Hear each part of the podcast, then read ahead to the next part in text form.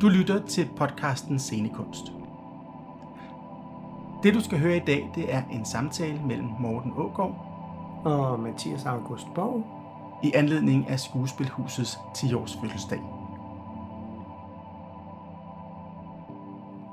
Vi var så heldige at være inviteret ind og se forestillingen på jubilæumsaftenen, og den vil vi gerne vende tilbage til sidst i den her udsendelse. Men først så vil vi gerne tale om 10 år med Skuespilhuset. Ja. Vi har været lavet en øh, liste med tre forestillinger, som vi synes har været specielt mindeværdige på øh, Skuespilhusets scener. Og man kan sige, det er jo svært at vælge, fordi der har jo været rigtig, rigtig mange forestillinger. Der har været mange gode forestillinger og Bestemt. spændende forestillinger. Og de har jo også tre forskellige scener. De har både den store scene og mellemscenen, som i mange år har været det røde rum, og så den lille bitte scene. Ja. Så der er jo tre scener, man rent faktisk har, kan referere til. Den første, du har skrevet, Mathias. Ja, det var, det var Jeppe på bjerget, som jeg så med Henning Jensen Ja. i hovedrollen som Mm. Jeppe. Den synes jeg var helt fantastisk og meget, meget sådan moderne tænkt. Den var ret fin, synes jeg. Hvad var det, der gjorde den moder- moderne? Jamen, scenografien, så vidt jeg husker, det er ved at være lang tid siden, det var sådan en stor kasse midt på scenen, der kunne dreje rundt. Og det, så kunne den være hans hus, og det kunne være skummerens kro, og slottet kunne det også være. Og så synes jeg bare, at Henning Jensen var rigtig, rigtig god som Jeppe. Og det var sådan en, jeg tænkte, ej, hvor vil jeg gerne se den igen, og vil, men den er aldrig blevet sat op siden. Man har jo lidt lyst til, at sådan, nationalscenen har Jeppe på bjerget, som i hvert fald for mig på en eller anden måde er vores nationalskuespil. Ja, At den var fast i repertoire, ikke? Jo, og det var det, jeg tænkte, ej, det må, den må komme igen, men det gjorde den ikke. Var det ikke også Bodil Jørgensen, der var Nille? Jo, jo. Det kunne Det jeg også var det. forestille mig havde været rigtig godt. Det var så godt, og det var, de var begge to virkelig, virkelig gode. Fordi Bodil Jørgensen som Nille er jo bare ønskekastet, kan man sige. Ja. Den første forestilling, jeg har skrevet her, det er Hamlet, som var øh, åbningsforestillingen. Og den var vi inde og se sammen. Og, øh, og jeg husker sådan den forestilling, for det første, fordi det var åbningen af det her skuespilhus, at man ligesom havde tænkt, vi tager den store danske Hamlet. Altså det, som Danmark er kendt for i hele verden. Og så havde man castet Nicolas Bro øh, i, i titelrollen. Og han er sådan en atypisk Hamlet. Ja, han var rigtig, rigtig god som Hamlet. Han var nemlig rigtig god. Plus, at man havde Helle Fakkerled som Ophelia, Ja, som jo er, kan man sige, fysisk den diametrale modsætning af Nicolas Bro. ja hun var så lille og fin og. Ja. sart. Og så var det faktisk mest scenografien, som jeg sådan tænker tilbage på, når jeg tænker på den forestilling. Fordi man havde lige fået bygget det her hus, og man havde valgt ligesom at føre øh, bygningsværket videre i scenografien. Så det lavede sådan en, en helt sådan oval af de her mursten. Ja, skuespilhuset, til dem, der ikke kender det, det er jo lavet helt mørke, mørke, mørke mursten, ja. næsten sorte. Så det kan være svært at orientere sig på væggene, hvor der er samlinger, eller hvor der er... Det er bare sådan en mørk masse, meget, meget, meget, meget smukt. Ja, det er sådan et mønster, der nærmest bare går igen. Hmm. Og det havde man så valgt at fortsætte sådan i den samme naturlige bue rundt på scenen. Og det gjorde, at, øh, at auditoriet virkede meget småt, og scenen var også sådan helt fremme på forscenen. Så man sad og tænkte, gud, nej, hvor er det, hvor er det intimt, selvom at vi sidder hvad, tusind mennesker eller sådan noget. Og så tog de den her scenografi og kørte helt ud på det allerbæreste af bagscenen. Hmm. Og så lignede den scene, der lige havde fyldt prosceniet, den lignede bare sådan en lille bitte ting nede bagved. Ja, Sådan en, man lige kunne tage med to fingre og flytte. ja, for man også kunne se, hvor stort rummet var, og hvor meget det havde at byde på. Det var Ja. virkelig, virkelig show-off af en åbning. Ja, og det, at det var indarbejdet i åbningsforestillingen. Mm, og hele gulvet, der forsvandt. Og meget interessant. Ja, det var en virkelig, virkelig, altså en wow-forestilling til at åbne med. Ja. Hvad har du som nummer to? Eller har du mere at sige om Hamlet? Nej, jeg tror egentlig gerne, jeg vil øh, springe hen til den næste, og det er, det er Stuk, som var en dramatisering af en, en Herman Bang-forestilling. Øh, en Herman Bang-roman. Og den synes jeg også var altså sådan en af de der, der virkelig har brændt sig fast. Fordi den var så visuelt flot. Men den var virkelig, virkelig flot. Hvorfor var det, den var flot? Jamen, den var lavet sådan i sådan en dekadent... Øh, den foregår på det her teater i København. Men stilen kunne lige så godt have været Paris. Mm. Med draperinger og sådan nogle lidt... Øh, let påklædte kvinder og altså hele den her sådan ekstravagante stemning, hvor kun det bedste var godt nok, og alting, bare det var moderne, så var det bedre end alt andet og sådan noget. Jeg husker, der var sådan en, øh, en scene, hvor der stod en kok, og han skar det dårligste kød af og serverede det, og smed de røde bøffer væk. Og Birte Neumann, som var en af rollerne, hun stod og sagde, I, hvor er det fantastisk, han, han, han smider alt det røde kød væk og får serveret scenerne. altså sådan det der med, at man kan hoppe med på en bølge. Ja. Ja, det var Øh. en meget flot forestilling. Meget god forestilling. Altså den fik, jeg kan huske, den fik sådan ret hård kritik lige da den spillede, og der var nogen, Ja. der udvandrede i pausen, og Den var også sindssygt lang. det var sindssygt lang, ja, men den delte vandene. Mm, meget. Men, men jeg synes bare, jeg tænkte, ej, den var flot. Og så er det jo også en historie, hvor der er rigtig mange karakterer, Ja. ja. som gør svært at holde styr på. Og, Ja. ja. Jo, jo, man havde også bare fornemmelse af, at der hele tiden kom noget nyt ind. Og en, og en super smuk scenografi med, der ligesom sådan lavede et rum i rummet, og et rum inde i det rum. Mm. Det, det var sådan, Der var sådan en kasse. Ja. Kan jeg huske, der var også en kasse. der var også en kasse. Hvad har du som nummer to? Som nummer to, der havde jeg et danseprogram faktisk. Det var balletten, der lavede et... Øhm, man kan ikke sige gæstespil, når det er i eget hus, men de plejer jo at være på gammel scene. Men lige der, der var de over at lave sådan et moderne danseprogram. Ja. Og det var, øhm, jeg tror det var tre eller fire forskellige koreografer. Og det var sådan helt stramt inde i det der rum. Der var ikke noget scenografi. Og der var ikke så meget kostyme, men det var bare enormt, enormt flot dans. De havde blandt andet sådan en, hvor de havde sådan nogle sorte jakkesæt på. Og så sad de i en rundkreds, og så smed de deres hatte sådan en efter en, mens de rejste sig. Og den der musik var bare så intens. Det var virkelig, virkelig flot. Mm. Og så endte de med at smide altså hatte og overtøj og støvler ind i en stor bunke midt på scenen. Altså det var så flot og enkelt. Og så til sidst, så lavede de sådan en, hvor de dansede op på scenen, og så begyndte de at invitere publikum op og danse ja. på scenen. Altså sådan så hver person i korpset havde en partner nede fra salen af. Altså, Mm. og det var helt fantastisk, og de dansede tæt, da man dansede og dansede. Jeg var selv en af dem, der kom op og dansede. Og stod der og dansede med en fra den kongelige ballet. Det var virkelig, virkelig en sjov oplevelse. Langsomt udvandrede alle bare på scenen, og til sidst så stod der en tilbage fra publikum med spotlight på. Det var virkelig, virkelig... Og danset. Og dansede. Det var meget stærkt, meget sjovt, og der var meget humor i det også. Det var ret flot. Det ser man faktisk tit, når, når, balletten laver de der lidt mere moderne programmer, Mm. at de ligesom tør lidt mere. Ja. Og nu har de også fået deres eget sådan, kompagni A, Øh, korpus. korpus, Ja, i, i A-salen. A-salen, ja, ja. det er det, det hedder.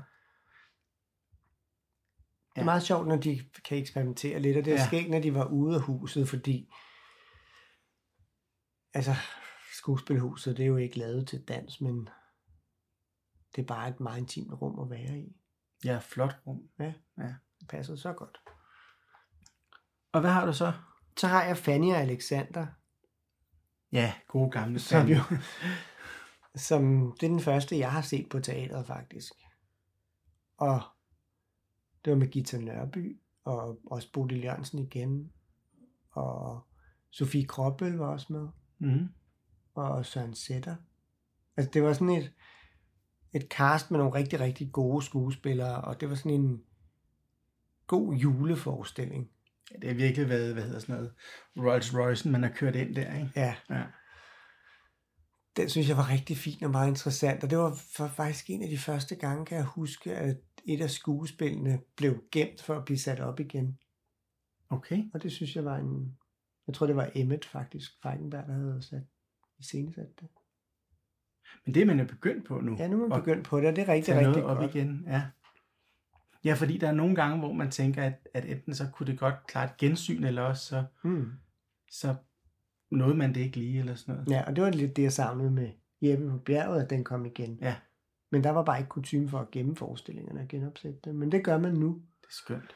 Det synes jeg er dejligt. Og det var, ja, det var en god forestilling, synes jeg. Så var det Karin Betts, der havde lavet kostymer til den. Det var ret. Hun har jo altid sådan en twist i sine ting, der er lidt, Ja. ja. lidt skævt.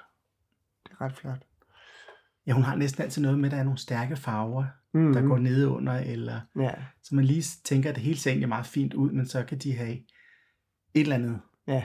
farve, som, hvor det lige stikker ud. Og hvad har du som... Jamen, så har jeg taget, øh, og, og, det, og det er sådan en forestilling, som det er faderen, øh, som, som man spillede. Det var den forestilling, som Søren Sætter Lassen kom tilbage på. Mm. Og, øh, og den var jeg inde og se en af de første aftener, den spillede. Og, og det var virkelig sådan en, altså det var en Søren Sætter forestilling. Ja. Altså faderen er, er der jo næsten hele tiden. Og samtidig så var det, øhm, så var det Bodil Jørgensen, han spillede overfor. Hun har været meget gennemgående i det her, lægger jeg lige mærke til nu. øhm, Ja. Og hun, øh, hun var bare super, super stærk som den der øh, kvinde, der, der øh, den handler jo om det her med, øh, at hun siger, jamen måske er det ikke dig, der er far til sin datter, til din datter. Fordi de er uenige om, hvordan den her datter skal tages, Mm. opdrages. Øh, og så siger hun, men det er jo mig, der skal bestemme det, fordi du kan aldrig være sikker på, at det er din datter. Og så bliver faderen her øh, helt, helt bindegal. Og det var, altså, det var meget stærkt at se Søren Sætter komme tilbage, fordi han havde haft den her ulykke, Ja. og måtte, altså, og var jo virkelig, virkelig tæt på at, at falde fra, altså. Mm-hmm. Og man var jo i tvivl, om man nogensinde ville træne sig op til at kunne spille det igen og sådan noget. Så der var, der var så meget omkring ham. Og så den her stærke kvinde, hvor jeg for første gang så Bodil Jørgensen i noget, der bare var ondskabsfuldt. Mm. Og så havde Gita Nørby den smukkeste birolle. Øh, hun spillede Amme, og det er ikke en rolle, der er, der er særlig meget inde, men hun fyldte den så flot. Og jeg havde på det tidspunkt meget det her med, at jeg synes altid, at Gita Nørby spillede Gita Nørby. Øh, og jeg synes altid, at hun skulle have den store hovedrolle, hun skulle altid være midt på scenen. Mm. Men her har hun simpelthen fået en birolle, som hun fik til at stråle. Og der, der lærte jeg meget det der med, at det som hun kan, det kan godt være, at der ikke er ret mange ord. Men hvis man har en god skuespiller, så kan hun fylde hele aftenen. Mm. For det gjorde hun. Ja. Det er sjovt, de forestillinger, vi har valgt, det har kun været på store scene. Ja. Øhm, hvad har vi set på de mindre scener? Jamen altså, der er jo hele den dejlige historie om, øh, om sort samvittighed, som starter med at lave Tove, Tove, Tove, som skal spille på den mindste scene med plads til 100. Og så når den jo at blive udsolgt, inden de blinker med øjnene. Øhm, og så flytter man den til den mellemste scene, som så har hvad, 300 plads eller sådan Ja, noget. 250, tror jeg. Ja. Den lille har 100, og den anden har, den mellem har 250. Og så den store har vel omkring 1000. Ja.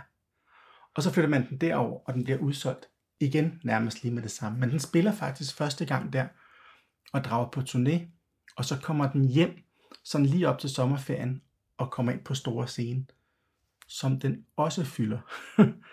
og nu har de lige spillet den igen for tredje gang. Mm. Men spillede den på lille scene først? Nej, Altså, nej, for fordi, noget at flytte over på mellemscenen. Ja, fordi de spillede derinde, hvor de spillede øhm, hvid magi til at starte med, faktisk. Var det ikke ude på Edison? Jo, men den, de flyttede den ind på det kongelige. Gjorde de det? Ja. Nå, spændende. Mm. Fordi de har været sådan et kompagni, man lidt har fulgt på det kongelige teater. Ja.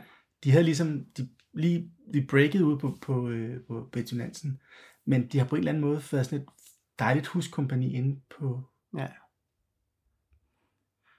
Og så er det selvfølgelig det røde rum, som man ikke kan komme udenom. Ja, det, der er mange gode ting der. Ja. Det var et virkelig, virkelig spændende eksperiment. Hvad er din yndlings fra det røde rum?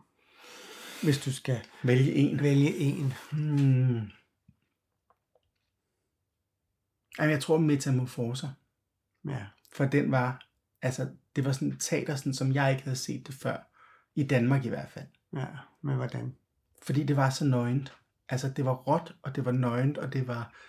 Øh, scenografien var nærmest bare præsendinger, og de havde sådan lidt joggingtøj på, lidt undertøj på, og de var ekstremt fysiske, Mm. og spillede dyr, og spillede planter, og øh, Hvis vi lige måske skal sige, hvad den handler om lidt. jamen den, den handler, er med til at forestille om samling af fortællinger. Ja. Så den handler, den kan handle om alting, men den kan også handle om ingenting. Men her var det græske, Ja, det er græske fortællinger. Det er måske meget godt at vide, hvis ikke man har... Men jeg bare huske, at jeg tænkte, at det var der, hvor det virkelig slog mig, at det kongelige teater havde fået et ungdomskompani, Mm. faktisk. Ja. Hvad med dig? Er du røde rum? Øhm.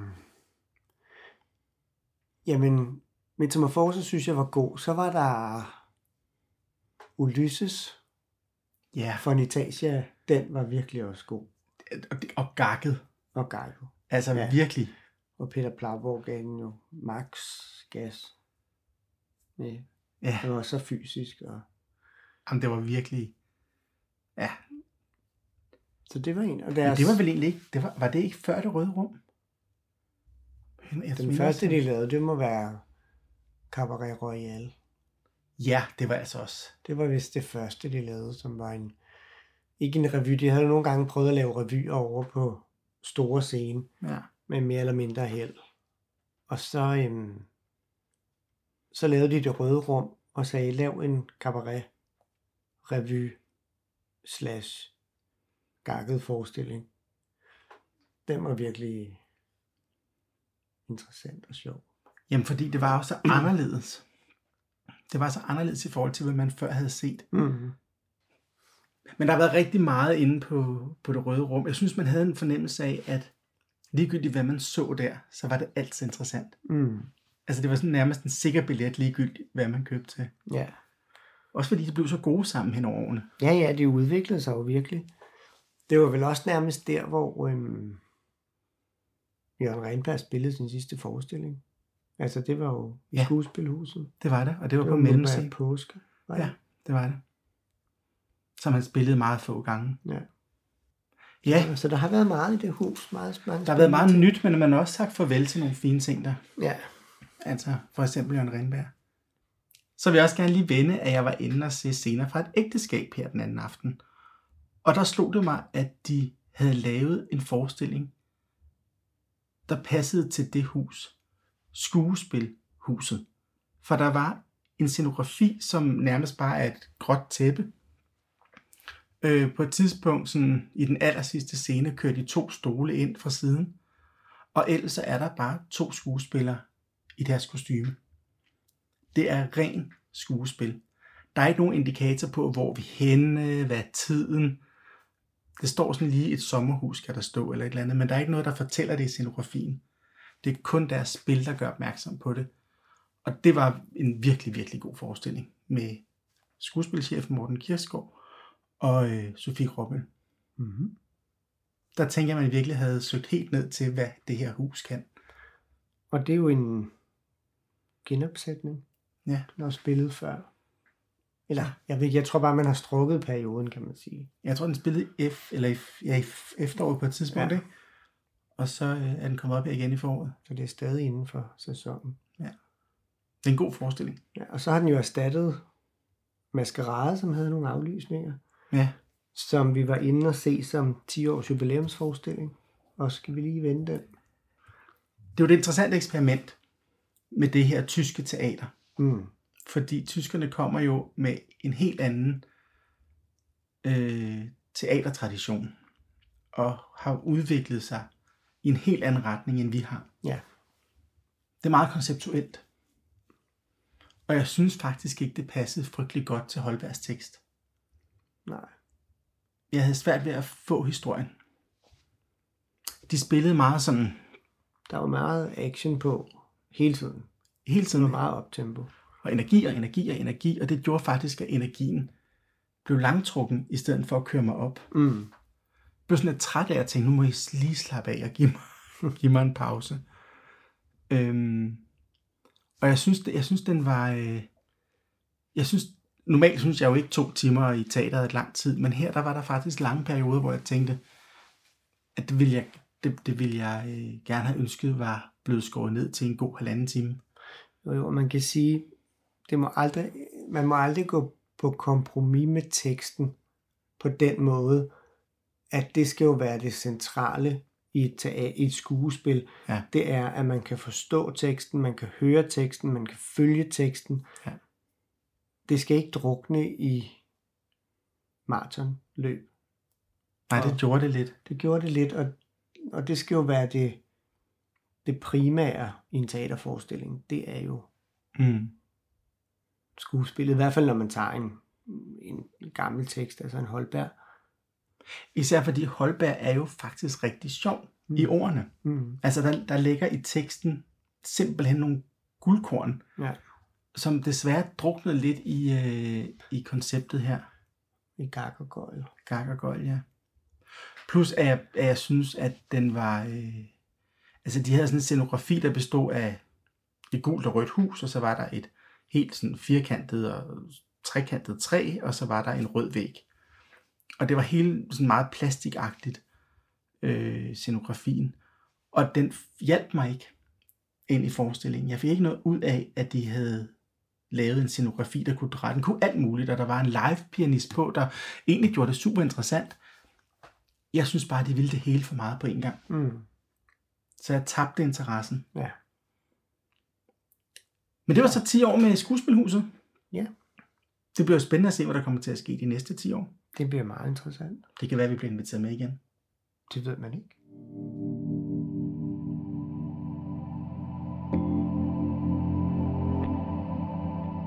Tak fordi du lyttede med. Du kan finde den her podcast og mange andre inde på vores hjemmeside. Den hedder radiodrama.dk Du kan også lytte med på iTunes. eller der, hvor du hører podcast.